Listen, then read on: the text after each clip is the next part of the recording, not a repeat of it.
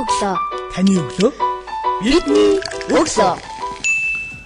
Өглөөний минь миний өглөө сурал подкаст чин дугаараа та бүхэнд хүргэж байна. Өдрийн дугаарын төчнөр хулж өмгөөлөгч Алтан зул оролцож байна. Бидний өглөө хүлээж авч хүндэтгээрсэнд баярлалаа. Шинэ 7 оны өглөөний мэндийг хүргэе. Өглөөний мэнд баярлалаа. Шинэ 7 өдрийн мэндийг нийт үзэгчдээ сургая. За, таны өглөө эрхий аж эхэлдэг вэ? За өглөө эхлэхээс өмнө эхлээд ер нь бол хуульч нар ихэнхдээ тэгдэг нөгөө сарынхаа 7 хоногийн хурлууд зарлагдана. За тэгээд тухайн эх 7 хоногийн хурлуудынхаа товуудыг гаргаж ирж байгаа л ер нь ажил эхлэндээ. Ер нь бол нэгтгэхийн өглөө ихэнх тохиолдолд шүүх хуралтай эхэлдэг. Ихэнх хөнгөлөгч нар хуульч нар тийм байдлаар л ажил эхлэдэг гэсэн.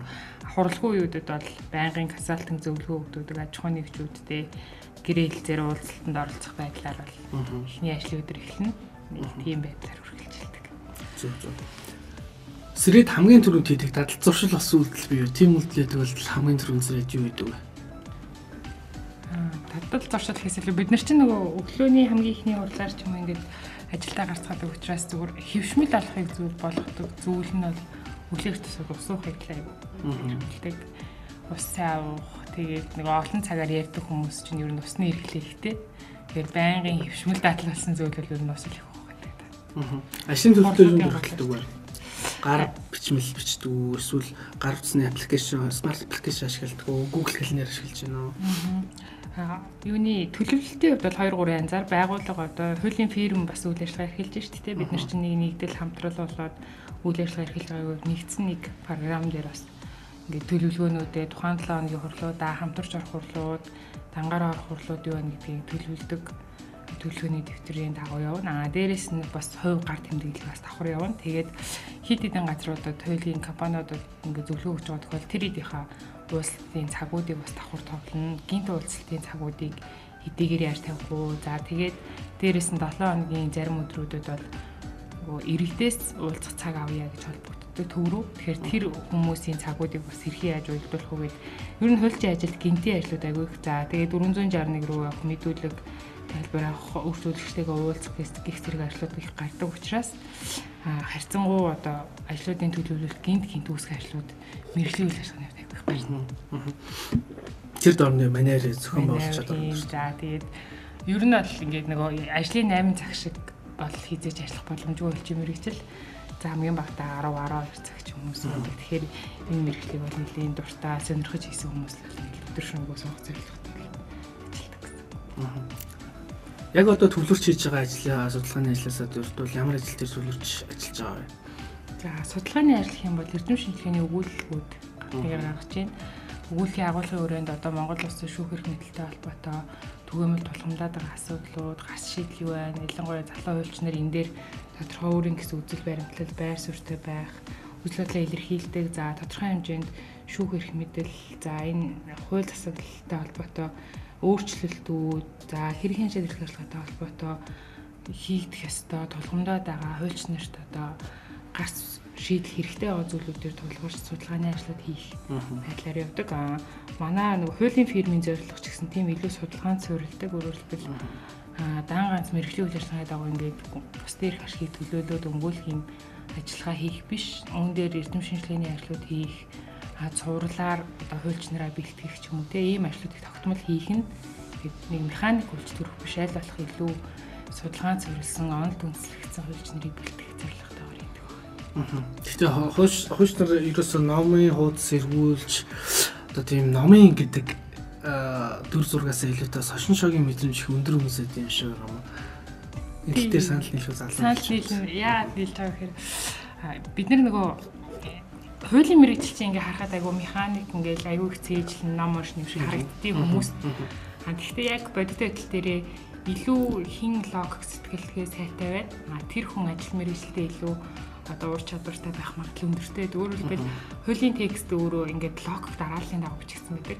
Тэр тэр логик дарааллыг хэрхэн уялдаатай ашиглаж ийн хаана ямар зүйл залтан дээр ямар нөхцөл гарсан байж мүү те.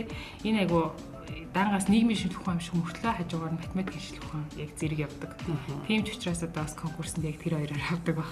Аа тэгвэл энэ нөгөө хошин мэдрэмж гэдэг чинь ингээд тарих ажиллагаатай байгаа аа илүү хөгжингүү байгаа сэтгэлгээний хурц сайтай байгаатай холбоотой.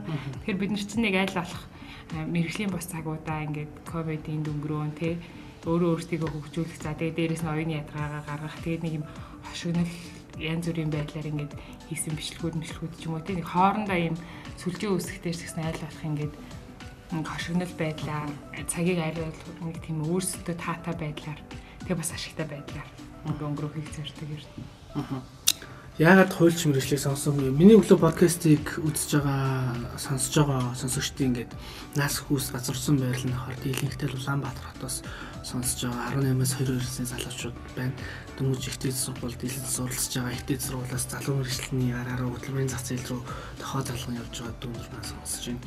Тэгэхээр энд бол тодорхой нэг мэрэгчлийг эзэмших гэж их сургууль сурж байгаа оюутнууд эзэмшээд хөтөлбөрийн зах зээл рүү гарч байгаа залуучууд түүчэлэн сонсож үзэж байгаа учраас энэ чиглэлийн залуучуудад чиглэгдсэн бас гоё зөвлөгөө мэдээллийг оролцож байгаа зочид маань өөрсдийнхөө ажлынхаа туршлага дээр үндэслээд хилээж яриад өгвөл их тийм өөчтэй яриа болдон болов гэсэн хүлээлт байгаа. Тэгэхээр таны зүгээс хуульч мөрслийг сонгосон нэгдүгээр шалтгаан юу вэ? Тэгээд яг өөрийнх нь сонголт байв уу? Эсвэл хин нэгний уга гэр бүлийн нөлөөлөөс аав нээж нь ах нь их чинь дүү те таал хуульч мөөлөгч болоо шүү дээ гэдэг байсан уу? Энэ сонголтод юу нөлөөлсөн бэ гэдэг байдлаар асууж байна. Анх бол 10 жил байхад ч юм уу хуульч болно гэдэг нь зүгээр нэг юм нүмерэгний тухай ойлголт Нүмерэл гоё харагдаад. Нүмерэл гоё харагдаад. Тэрээсээ тэр үед чинь нэг юм нэг юмыг ухаалгаар бодох ингээ шинжлэх ухааны байр суурьтай бодох модох ч айгу хол дээ тий. Тэгэхээр ингээл тэр өмсгөл хувцсан л айгу гоё харагдан. Тэгээл тэр мэрэгчлийг сонгоё гэж бодно. Аа эцсийн дүндээ э, хуулийн шинжлэх ухаан өөрөө яг юунд тулгуурласан, юуны төлөө юм тий яг энэгээр одоо сурч мэрэгших нь хинд ямар үр өгөөжтэй, дээр нийгэмд ямар үр өгөөжтэй. Тэгээд чи өөрөө яг энэ мэрэгчлийн хүмүүнүү ч юм уу тийм нэг мөн чанарын тухай ойлголтууд, философийн тухай ойлголтууд ороод ирэхээр нэг бодож эхэлдэг. Яг би нэг сургуультанд орчоод энийг ингээд дараа мэдчихгүй нэг юм гой нүмергний тухай орсон юм чинь амар өөр ертөнцлөж шүү дээ. За тэгээд ороод эхлэнгүүт ер нь залуучууд ер нь ямар тохиолдолд ингээд ангийнхан мангийнхан ингээд үе дээд үед харахаар хүмүүс ямар тохиолдол хөлсийн мэрэгт өндөр карьертэй явж байгаа гэхээр өөрийн гэсэн байр суурьтай. Тэр байр сууриа бусдад илэрхийлэх тодорхой зүйлийг шинжлэх засах байр суурь бодолтой тий тэрнийхээ төлөө тодорхой хэмжээнд тэмцэл хийдэг өөрчлөлтийн төлөө ингээд дуу хоолой өөрөөр хэлбэл нэг юм нийгмийн эмчлэгч болох гээд юм зүтгэлтэй байдлаар ингээ асуудал ханддаг. Тэрийн өөрчлөлтийн төлөө гар бие оролцох юм хүсэлтэй. Тэгээ тэрнийхээ төлөө боддоор юм хийдэг те. Ийм төрлийн хүмүүс хөлжим мэрэгчлийг сонгох нь түгээмэл байд юм байна. Тэгэхээр хин нэгэнд одоо өөрийн гэсэн юм бодол те байдаг бол тэрийгээ би ямар мэрэгжил сонгох вэ? Ер нь бол ямар мэрэгчлэр сонгох юм бол юм бэ гэдгээр хуульч явд хараад үзэх юм бол нэг тийм байдаг. Өөрийн гэсэн байр суурь, түүнийг илэрхийлэх те. Тэрүүгээрээ тэр оролцоогоороо дамжуулаад нийгэм тодорхой хэмжээний өөрчлөлт авчрах те. Нэг юм түгээмэл хэдүү биш. А нэгдүгээр тодорхой иргэн хуулийн этгээд яг хуулиар хамгаалах зэрэг ашиг би энэ салбарт хангаж чадах уу те? Өөрөөр хэлбэл мэрэгжлийн төвшөнд тэр хүний эрхийг хамгаалаа явахад надад ийм амбиц ийм мэрэгжлийн ур чадвар байгаа юу гэдэг дөнгөшийн төгсгсөн хууль нарт бол хамгийн чухал байрсаар. Одоо ингээд манайхан хэл мэдээллийн байгууллагуудын зарим төлөөллүүд сая энэ нийгэм болоод байгаа сошиал орчин зөрж байгаа үйл явдлаас зарим нэлийн залхаж чинь зарим нь илүүтэй сонирхож чинь. Тэгээд энэ төр бид нар нэг яагаад хууль зүйн шинжилх ухаан салбар шинжилх ухаанууд яагаад хүмүүс тодорхой нэг чиглэлээр мэрэгших ёстой гэдэг дээр хүртэл баг эскоч юм шиг нөхцөл байдал руу түлхэж байгаа нэршлийн үний байр суурийг үгийг сонсохгүй байгаа нийгмийн юм сонь сонь нөлөөллийн компанид аюул хөрөнгөжин л да энэ дээр нөгөө таны хэлснээр өөрийн гэсэн үсэл бодолтой байх бас үсэл бодлыг хүндэтгэх асуудалтай илүү юм ашиг бодлын дарааллыг мэдэрч орох гэл ийм хөөсөрсөн мэдээлэл донд бид яаж одоо нийгмийн сүлжээгээр явж байгаа мэдээллүүдэд итгэж хэнийг мэрэгчлэн гэж хүлээнс шүүж хэнийх нь үгээр явж зааж замнаж явах гэдэг ийм ялгах салах ухаан болоод мэдээлэл хэл мэдээллийн суурь боловсрол маш чухал байгаад байгаа юм болов гэсэн зур хувь сэтгүүлч хувь тийм бодолтой явдаг. Тэгэхээр таны зүгс бас хуульч судлаач хүний хувьд яг энэ таны нийгмийн салбарт болж байгаа өрнж байгаа үйл явдлууд нэгэнтээ бэлгэхний нийгмийн сүлжээр харагдаж байна. Хичээлийн хувьд гэсэн бодлого бодоод байдаг шүү дээ. Хуулийн бодлого шиг. За одоо янз янзын бодлого кейсүүд бас гарч ирж байгаа. Тэгээ иймэрхүү юм аа шулуух хэлчи тойруулаад явах хэрэгтэй тий. Өндрөөстэй холбоотой үйл ажиллагаан дээр хүртэл ингээл өндрөө дэмжигчдийн групп гэж гарч ирсэн байна тий. Өнөөдөр ч одоо тэгээ сэтгүүлчээс гадна хуульч юу ч гэдэг тий. Шүүгч их олон зүйлүүд. Тэгэхээр цаана болж байгаа нэг процессын зүйлүүдийг хүүхдүүд хүүхдүүд ч явах гэдэг манай сошиалд байгаа хүмүүс маань ерөөсөө олж харахгүйгээр л сохорчод байгаа юм болоо гэж бодоод байгаа юм. Тэгэхээр таны зүйлсийн судлаачийн хувьд энэ дээр ямар байр суурийг илэрхийлэх вэ? Аа би нөгөө бас тодорхой хэмжээнд нэг үе ядах юм бол ингээ залуучууд асуудал ийм цензуртай ханддаг одоо юу гэдэг чинь энийг бодохын тулд өөр нөгөө ямар үнцэг байгаа вэ гэдгийг харж сурж байна. Гэхдээ тэрнийхээ бас эсрэг талд ингээд сошиалоор л ингээд сэвэх юм бол тэр шууд өгнө те. Сошиал дээр хэм уйлж ин тэр үнэ. Аа тэгэл одоо те нүүрсний улгаач та олоогүй наймын шиг нэр юу юм те. Ийм байдлаар нэг асуудал түн шинжилгээ хийхгүй ханддаг юм нийгмийн масс ус байгаа. Тэгэхээр би одоо залуу үеийн төлөөллүүд ингээд цаашаа төрж гарч байгаа залуучууд асуудалд хамгийн чухал хүнд байх ёстой чанар бол дүн шинжилгээтэй хоёр талын байр суурьтайгаар хандж сурах. Энэ юусоо дан ганц хуульчд биш хүн болгонд байх ёстой. Өөрөөр хэлбэл асуудалд хоёр талын байр суурийг тэнцвэртэй хадгална. Одоо хэвлэлийн хвшлийн л шүү дээ. Тэр хуулиар ч гэсэн ингэж байгаа байхгүй. Сэтгүүлч нь өөрийн мэрэгжлийн үйлчлэгч хандах баярлаа гүйцэтгэхдээ мэдээллийн үнэн зөв байдлын хариуцлагыг өөр үлдээж байгаа. Тэгэхээр хариуцлага тэр хүн дээр ноогдохоор байхад зүгээр ингээл нэг 2 3 хүн очоод бэг муулангууд те энэ бэ бол муу хүн юм а гэдэг ингээд сошиалар цацчих юм бол тэрнийхээ хариуцлага өөрөө үлдээж Тэгэхээр мэдээлэл ямар тохиолдолд үнэн зөв байх юм. А Б-гээс өөрөөс нь очиод магадгүй ажиллаа явуулж штэ. Энэ хэвлэлийн эрх чөлөөтэй холбоотойгоор байж болох зүйл. А тэгхгүйгээр нэг талын байр суурийг авангуудаа тэрийг нийгэмд тэр даяар нь зөв юм шиг юм бол энэ ингээд сошиалт хэдий гоё харагдаж болно. А тэгтээ цаанаа хуулийн хариуцлага байгаа. Монгол Улс зөрчлийн тухай хуулиар юу гэж те бусдын нэр төр халтар хүнийг олон нийтийн сүлжээгээр дамжуулаад ингээд нэр төр талдах юм бол яах юм. За тэр мэдээлэл нь өөрөө бодиттой талаас зөрүүтэй авах юм бол яах юм. Эрэг байлаар энийг юу зохицуулсан юм. За мөн түншлэн мэрэгжлийн үйл ажиллагааны 904-ээр чи яс яаж зохицуулсан. Тэгэхээр одоо би хайд ингээд нөгөө хуулийн салбарт мэдээ бэлтгэж байгаа бол тухайн сэтгүүлчийг ч юм уу энэ чиглэлээр сураад мэрэгсэн байгаа гэж байна. Тэгэхээр нөгөө бид нэр үзэгчээр хараад үзэнгүүт асуултууд нь өөрөө боловсруулагдаагүй асуулт. Тэгэхээр боловсруулагдаагүй асуулт өөрөө ямар үр дагавартай вэ гэхээр бүрэн бос мэдээллийг бусдад хүргэж байна. Тэгэхээр тэр талаар бэлтгэх дээд мэрэгшээ за магадгүй хуулийн сургалт авах төгсөө тий тэгээд энэ талаараа сурчлага хийгээд хоёр талын байр суурийг оруулах ингээ явахад бол мэдээлэл бэлтгэхийн хэвлэний хэрэгслээ бол нээлттэй шүү дээ. А тэгхгүйгээр зүгээр шууд очиод ингээл одоо нэг сошиалын өндөр хөгжлийг ашиглаад те хим мас энд юу бүрөвдөж जैन тэрэн дээр очиж тоглоё тэнд юу өрөвдөлттэй энэ дээр тоглоё гэдэг байдлаар явах юм бол одоогийн Монголын юм нийтлэх масс бол зохиод байгаа. А гэхдээ энэ бол явцтай юм явцуу нэг юм хэрэгжихгүй буруу арга өөрөлдвөл одоо залуучууд асуудал түн шинжилгээтэй байр суурьтай хандаад хоёр талын үнцгийг хардаг юм болцсон үед бол нэг ингээд бүх массаараа шуурдаг Монгол хүний өрөв сэтгэл нэг л өдөр дуусах. Асуудал түн шинжилгээтэй ханддаг илүү онолч тийм ийм залуучууд төрөн гарахын ирээр бол энэ нэг юм сэтгүүл зүүн ингээд зүгээр шууд мэдээллийг авчаад тэр чигээр нь цацдаг юм зүйл байхгүй болно. Мөн түншлэг яг энтэй холбоотой бас яригч байгаа зүйлүүд бол одоо сэтгүүл зүүн салбарт мөнгө авч мэдээ бэлтгэдэг тийм. Тэр мэдээллийг шууд үн зүүн шиг бусдад цацдаг. Бусад хүмүүс энэ талаарх бодит байдлын ерөөсөө дүнс шинжилгээ хийхгүйгээр угаасаа л аа төрлийн шүүн тэр бол хүн. За энэ бол сайн хүн юм уу тий. Асуудал шүүлтүүргүүгээр дүн шинжилгээ хийж тэрийгэ тархиндаа үнэн мэтэрийг ойлгуулах нийгмийн ийм сэтгэл зүй бэлтэж байгаа нь бол мэрэгжлийн хариуцлагын хувьд ч гэсэн бас маш чухал юм байна. Тэгэхээр сэтгүүлч нар тий одоо цаашдаа төрөн гарч байгаа хүмүүс бол юу би субъектив байр суурьаа нэмж болохгүй хүмүүсийн байр суурь одоо хоёр талын тэнцвэртэй байдлаа хэрхэн яаж хадгалах юм ч юм уу тий би өөрөө хувь хүнээрээ юу гэж үздэг байх нь биш. Тэр асуудал бодтой факт нь юу юм? Хоёр тал ямар байр суурь зэрэг тэрийг нэгдүүлж нийлүүлж байхгүй бол хин нэгний эрх ашиг угаасаа хөндөгдөн тэг хин нэгний эрх ашигыг хуулиар хамгаалагдсан эрх ашиг зөрчинө гэдэг бол тэр сэтгүүлчид цаанаа хариуцлах хэрэгтнэ л гэсэн. Аа. Тэгэхээр яг хуу хүнд байх ёстой ор чадваруудын тухай яриаг өргөжлүүлж явхад сайн мэдээж таасан яран дундаа асуудал дүн шинжилгээ хийх чадвар хоёр талын байр суурийг ижил төвшөнд мэдээлэх гээл ер нь бол энэ ч өөр хэвлэл хэрэгжүүлэний тухай хуулиараач тэр мэдээлэл дамжуулах зарчим шалгуур үзүүлэлт дундааш тэр байж байгаа зүйлтэй онлайн бол гэхдээ яг бид нар илүүтэй аа хүнээс түрүүнд мэдээлэх гэдэг мэдээлэлт хэцэтгэл хөдлөлөөр автах гээд тий олонний анхаарлыг одоо өөртөө татах гээд мэрэгжлийн ёс зүйн алдаанууд их гаргаж лээ. Тэгээ энэ энэ зүйлийг яг нэг тогон дотрогоос салбарынх нь олж харна гэхээс нийт масс манд студийлэн тэрийг э, яг ийм зүйл байдаггүй юу гэдэг дээр ашаал бүрдэл өнгөч ялгаж залгаж харахгүй л гэхдээ харьцангуй залуучууд зэтүүд энэ тал дээр илүү одоо юу гэдэг хүний эрхийн мэдрэмжтэй бусдын ялгаатай байдлыг хүлээн зөвшөөрдөг уншдаг шинжлэх ухаанч юм онолж зүсэл хандлагатай байгаа болов гэсэн юм судалгааг би харж уншиж байсан юм байна. Тэгэхээр яг хувийн хөгжил рүү чиглүүлээд хувинд байх хэвээр хамгийн чухал ур чадваруудыг нэрлэж үл та ямар гурван ур чадварыг онцлох вэ? Тэгээ яагаад энэ гурван ур чадварыг онцолж нэрлэх вэ? За чухал гоё асуулт юм гэж харахаар байна. Нэгдүгээр түнд болохоор ярих чадвар байдаг. За энэ ярих чадвар юуг илэрхийлдэг вэхээр би юуг санаж бодож байгаа юм. Тэрийгэ бусдад илэрхийлээд тэр илэрхийллийн дагуу тэр дараагийн хүн юуг ойлгоод битээр хэрхэн ойлголцох юм бэ? амьдрал дээр тэр ажил дээр тэр бүхэл зүйлд ойлголцох чадвар бол хамгийн чухал чадвар. Тэгэхээр ойлголцохын тулд ярьж сурах хэрэгтэй.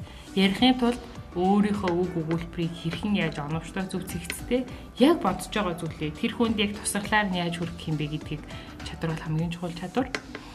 За үүний дараа болохоор асуудалд дүн шинжилгээ хийж байгаа. Энэ асуудалд дүн шинжилгээ хийж байгаа үйл явц болохоор би хэн байх юм, цаашдаа хэн болох юм, ер нь өнгөрсөнд хэн байсан, ийм бүхнийг ингээ бүхэлдэн тодорхойлдог энэ ойлголт. Тэгэхээр асуудалд зөв дүн шинжилгээ хийхгүй бол үр дүн муу муу. За муу үр дүнгийн хариуг надад л тохиолдсон азгүй явдал гэж харж байна. Тэгэхээр бид нар өөрсдөө дүн шинжилгээгээ буруу хийчихсэн. Тэгээ тэрэн дээрээ дүгнэлт хийж гаргасан зүйлээ өө би л болохгүй байна, би л азгүй байна гэж хартгаа. Гэвч асуудалд дүн шинжилгээ хийгээд аливаа зүйлийг яг бодит үнний төлөө ч юм уу те нэг юм хит хитэн талын байр суурьтай асуудал хандаад юмыг нэг юм цэгцтэй бодоод юм их цэгцтэй сэтгэсний дараагаар тэр хүнээс илүү ухаалаг шийдвэр. Тэр нөө шийдвэр урт хугацаанд бол те амьдрал болно шүү. Тэгэхээр ийм учраас асуудал дүн шинжилгээтэй хандах гэдэг бол хувь хүний аягүй чухал чадвар. Ийм чадвар байгаа. А 3 дугаарт болохоор хүмүүс амьдрал дээр аягүй олон зүйл дээр ингээ анзаарэгддэг зүйл бол өөрийн гэсэн байр суурь Одоо өөрөөр хэлбэл сошиал түнэр цэцэг юм шиг сэвх юм бол өө үний юм байна. Хөөх хин аим шиг те гэдэг ч юм уу. Магадгүй одоо нэг хүн болгонд шүүхийн шийдвэрийн цэхэн сангаар ороод ч юм уу мэдээллийн унших юм сэтгэл зүй байхгүй л байна л да. Асуудал түншинжлийг. А гэхдээ бас тэр хүний өмнө ч үж болно, буруу ч үж болно мэдэхгүй байна. А тэгвэл тэр хүнд өөрийн гэсэн байр суурь авах хэрэгтэй. Нөгөө мас яагаад савлаад байна гэхээр өөрийн гэсэн байр суурь учраас савлаад байгаа. Тэгэхээр тодорхой нэг зүйлд хандах хүн өөрийн гэсэн зарчимтай байр суурь тавих хэрэгтэй. Энэ зарчим байр суурь эргэн А ч юм уу Б яг А юм шүү Б юм шүү гэдгийг тодорхойлж идэг зүйл. Тэгэхээр хүн өөртөө нэг байр суурь өөрийн гэсэн үзэл бодлын зарчимтай байж ич энэ нийгмийн салхинд ганхахгүйгээр өөрөө өөрийгөө тис чавж болно. А тэгэхгүй энд өө шурангуут өөгийн зөв, тэнд Аа шурангуут Агийн зөв гэл ингээд нөгөө гэл дэвүүр шиг ингээ байгаад ах юм бол хүн өөрөө эцсийн төндөө хин шулддаг учраас бүх цаг үе бүх нөхцөл байдалд би нэг ийм хүн шүү би ийм зүйлийг өөрийнхөө хувьд те хатуу нөгөө хоригддаг шүү ч юм уу ийм байдлаар ингээд асуудал ханддаг юм өөрийн гэсэн тархитлогоотой те байх юм чадвар бол аюул чухал. За сая таны ярианаас үзэхэд бол шийдвэр гаргалтандаа илүү их боддог логикгүй үлдээ холбоог нь харалтсан үздэг асуудал дүн шинжилгээ хийж шийдвэр гаргадаг болчиход байна л да.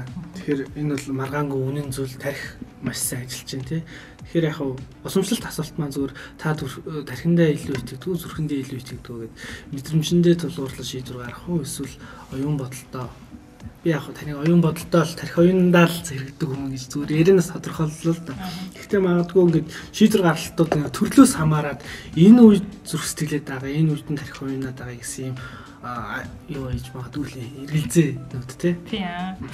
Ер нь яг нөгөө хуульч нар олон жил ингээд шүүх хуралдаанд ороод ингээд олон хүмүүстэй гэрээлсээр байнгын харилцаанд орно шүү дээ те хуульч мэрэгчл. Тэгэхээр татал зуршлын хувьд бол хүн байнгын оюунаараа шийдвэр гаргах болчдөг. А тэгвэл энэ оюунаараа шийдвэр гаргаад байгаа л одоо юм болгонд айчнаагаалтай амьдрал дээр хүртэл оюунаараа шийдвэр гаргах чинь гэж ингээд нөгөө би одоо хин нэгэнтэй ч юм уу те харилцаа холбоод тогтоохдоо тэр хүнтэй За энэ хүний сайн тал нь муу тал нь гэж хизэж чагсаахгүй. Тэгэхээр энэ нөгөө нэг юуг мэдрэмжэн дээр суйрлаж гаргахын, зүрх сэтгэлээрээ гаргахын тий хүний амьдрал айгу баялаг юм чинь зүрх сэтгэлээр шийдвэрлэх айгу олон зүйл байгаа. Аа түүнээс гадна юунд тархилгоогоор өөрөөр хэлбэл очиод нөгөө тал нь өрөвдөлтөй харагдаад шүүх хурал дээр байх юм бол зүрх сэтгэлээ дагж ийн гэж тий өөрийнхөө өөрчлөлт ирэх ашиг ингээл хаяал энэ үнэхээр өрөвдөлтөй харагдсан гэж юусоо болохгүй. Тэгэхээр нөгөө асуудалд хэм хэмжээний үед хэрхэн яаж заагтаа хандах юм зарим зүйлүүд дээр эн чинь хүн мэдрэмжээ дагаад зарим зүйлүүд дээр шинэ ухаанч байдлаар хандна. Ингээд нэг юм амьдралын уялдаа холбооны заагийг бүх зүйлд оюутаа зархигддаг маа гэхэд тодорхой зүйлүүд дээр бол хийж явах ёстой шүү. Энэ хувь хүний амьдрал цаашдын хөгжүүлэг олон зүйлийг нөлөөлж шийдвэрлэж идэг учраас. Эргэлтийн цэг бас нэг түүхий хуваалцвал гэж асуу. Яагаад вэ гэхээр юу гэдэг дон сургуультаа ингээд хүүхд гэлтгүй хүн хүн өөр өөр тийм зарим дон сургуультаа хонц сурж агаад их сургуультаа ороод сургаггүй болчдаг тий. Зарим дон сургуультаас та үнэхээр хичээлдээ улаан ойлгож байгаад их сургуультаа ороод баг ингээд мандат хичээлд болоод өгсөг цайлал ажил амьдралын гараанд эрхлэл. Тэгэхээр ингээд тухайн үе цаг цаг хугацаанд дунд хүн ингээд өөрчлөлтөө өөрийгөө ингээд шал шинээр нээх ч үгүй байт юм уу тий. Тэнцэн шомоо олох эсвэл шинээр нээх юм үзэл хандлага тогтоход нөлөөлсөн хүчин зүйлүүд их байдаг юм байлээ сэтгэл зүйд нь үзүүлсэн гэр бүлийн одоо салалт гэдэг юм эсвэл баг насныхын дурсамжууд эсвэл тэр хүний шийдвэр гаргахад нөлөөлөх нэгний үг багшийн ч гэдэг юм уу. Тэгэхээр таны амьдралын яг энэ өөрийгөө өөрийнхөө юу гэдэг их олон хүн менторлож заавар зүйл өгч ирсэн ба. Тэгэхээр хизээч одоо мартагддгүй миний амьдралын шийдвэр гаргалтанд нөлөөлсөн тийм орон зай олгосон ментороо дүрдачааг хэний дүрдэх бай та. Амьдралын яг олон үйл явц зарим зүйл хөв тавилангаар болд юм шиг санагддаг. Тэр магадгүй тавилангаар болдог.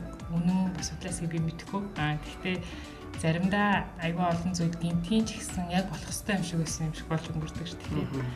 Би нэг 10 жилдээ ингээд нэг юм санаа нэг нийгмийн хичээл дээр сууж исэн чинь ингээд үндсэн хуулийн ингээд хамгийн чухал гол байр суурь нь юу гэдэр хэлэх гэж байгаа тухай ингээд олж тогтоос сурагчид одоо энэ жилийн дүнгийг гарганаа би гэд маа нийгмийн бэрхшээл заахгүй. Тэр үед би одоо ингээд хуйлж олон тийш яг үндэ бодоагүй байсан. Тэгсэн чинь нөгөө үндсэн хууль бүхэлдэн тайрж эргүүлээлэл уншиж байгаа байхгүй. Тэгэхээр ингээд энэ үндсэн хууль дотроос яг энэ үндсэн хуулийн одоо өмнөх үндсэн хуулиудаас ялгаатай онцлог нь юу юм? Тэгдэгт яг ухаалгаар дүн шинжилгээ хийж би анх удаа тэр нэг юм өөрийн цаг заваа хэдэн хоног орчим зарцуулж исэн үе байхгүй. Гэхдээ тэр үед яг нөгөө би яг тэр одоо ангийн сүлийн үндсэн хууль дээр байсан үзэл санааны хувьд хамгийн онцлог зүйл юу вэ гэдгийг тодорхойлцоод тухайн жилийн чи хүүхэд байгаа шүү дээ. Жилийнхаа дүн гаргуулсан. Тэг би тэр үед бодчихсан байхгүй. Миний толгоо ингээд ажиллах юм бол асуудалд яг туйлжийн мэрэгчлийг хийхэд ч юм уу би чадах юм шиг байна гэсэн мэдрэмж тэр үед төрөөд тэгээ би яг сонирхож эхэлж байсан. Аа тэгэхээр нөгөө магадгүй тэгээс мөл өнөөдөр нэгтлэн одоо баг гэр юуж явах юм мэдэхгүй. Гэхдээ зүгээр зарим зүйлүүд тийм уялдаатай гоё. Гэхдээ би одоо өнөөдрийн бай байр суурин дээрс ингээ бодоход хаяа боддог байхгүй. Би одоо ер нь хуульчаас өөр ажиллацаа яарна. Ямар шухан хийх байсан бол ба чаавас ч юм уу тэгж чаддаг. Би яг дуртай юм аа олж чадсан гэж өөрийгөө боддог байхгүй. Тэгэхээр э, зарим зүйл ингээ хувь тавилангаар ч юм уу нэг юм сонголтын шийдвэрүүд ч ихсээ тэгж орж ирдэг баг. Болох хэвээр бүх юм ч юм уу тэгж хардаг. Иргэж босоод юу ч алдаагүй сэтгэл юу ч алдаагүй ихтэй их том хол юм алдсан байдаг ч юм те. Өөрийнхөө өөрөөрөө маш их бахархсан нэг түүхээ хуваалцаач байвал ямар түүхийг онцлох вэ? Хамт олноороо гэж болно те. Би анх өнгөлөгч болчоод залуу гэр бүлийн нэг орон сууцны маргааныг өнгөлжсэн. Тэгээд тэр орон сууцны маргаан ингээд баг 2 жилийн хугацаанд үргэлжилсэн. Тэгээ энэ 2 жилийн хугацаанд үргэлжлэхэд тухайн одоо залуу гэрүүлтэй надад дөнгөлийн өсөө төлчөөд нийт юм байранд амьдардаг. Тэгээд одоо өөрөөр хэлбэл цэвэр надад итгэж байгаа байхгүй. Тэгэд манай өмгөөлөгч байгаа хэрэг маань шийдвэрлэгдэн тэр болтол яг төрхөндөө л энд үйжээ гээд өөрөөр хэлбэл би тэр хүмүүс юус хамлалт өгөөгүй. Хэрэг чинь ийм шийдэгдэн тийм шийдэгдэн гэж хэлэх манай мэрэгшүүл ажиллагаанд хариутай. А гэхдээ тэр хүмүүсийн тэр нөгөө итгэжсэн итгэл бол намайг одоо тэр ажлаа чин сэтгэлээсээ хийх. Би одоо тэр өнгөлөөс нь бүр 50 мянга хийдчихсэн би санддаг.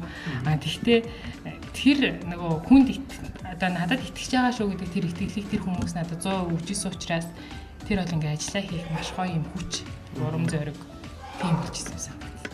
Тэгээ тэрийг тэрний дараа манай үйлчлүүлэгч ингээд 3 өрөө байранд орцсон. Одоо гэрчлэгийг гаргуулаа авцсан тий.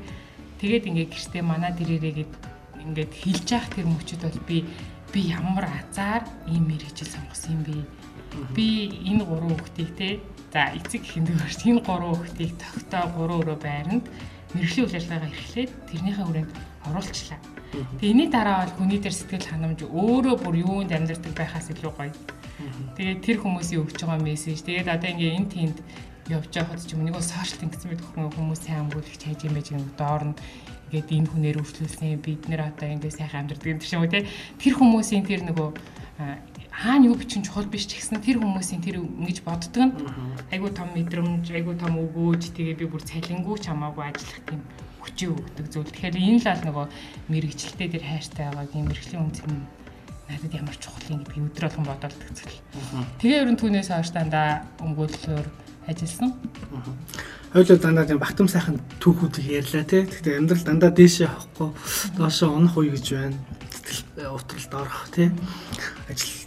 Бүтлгүүтэй. Итгэл алдах. гэх мэтчлээ. Тэгэхээр яг амьдралынхаа туршид иймэрхүү цаг үедээ төсөл унах өвчлөгчийн шүүхэлтэй ялагдал хүлээх ч гэдэг юм тий. Ерөөсөл юм юм ингээ нэг өдөр нэг буруу хөл дээр боссон юм шиг ингээл болдгоо шүү дээ. Цаанаасаа бүр зохион байгуулалттайгаар ингээд байгаа юм шиг тий. Ямар ямар тэнгэр нь харж байгаа гэдэг шиг. Харсан тэнгэр нь нүрээ өгөхгүй гэж гэж монголчууд их ярьдаг. Тэгэхээр тийм үедээ шийдвэр гаргалт хийхэд одоо өөртөө яг ямар арга зам авдаг вэ? Одоо ингээд цэцэл ботролч гэдэг юм эсвэл ажил төрөл амжилтгүй ажилласаа алшрах шиг юм уу? Иймэрхүү нөхцөл байдал ингээд олчихсан үед пауз авдгүй эсвэл усан мэрийгээ дартна гарах гэж өөрийгөө хурцлдаггүй. Энэ нэг нөх одоо жишээлбэл бид нар хурал орохдоо тэр хүн л амар сандарч хат хажууд нь хүн сүртэй ингээд нэг бид чи өдөр тутмын ажил юм чинь гэж хардаг.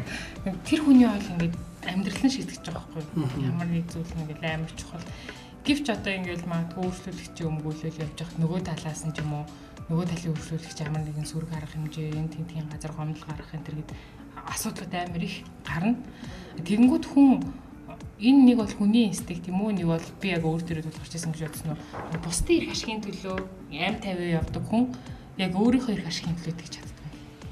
Шууд ингээд тарих зогсон байдалд ороод миний асуудал ороод ирэнгүүт өө энэ хүмүүсийн ингээд нөгөө сандардаг хурал дээр мэтгэлцдэг ингээд хэцүү байдаг зүйл нь нэр үний юм бэ те яг өөр дээр нь тулаад ирэнгүүт хүн амин мэдэрч байгаа хэрэг. Тэгээд нэрээ энэ чайгуу хэцүү зүйл байд юм байна ч юм уу те ийм байдлаар ингээд хардаг.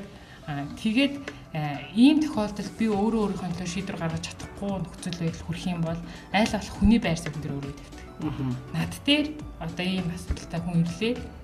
Би энийг зүгээр хөндлөнгийн байр суурьнаас тий хүний үйл ажиллагаанд тэр тусалж чаддаг хүндлэнгийн байр суурьнаас би өөрийгөө өөр хүн гэж бодох юм бол би өөрөө өөртөө ямар зөвлөгөө өгч чадах юм? Чи хуулийн хүрээнд юуг нь шийдэж өгч чадах юм? Тэр л юм а хийн тэгэхээр нөгөө чи чаддаг юмараа л өөр өөрийгөө аварна чаддаг юмараа л өөр өөрийгөө алдаг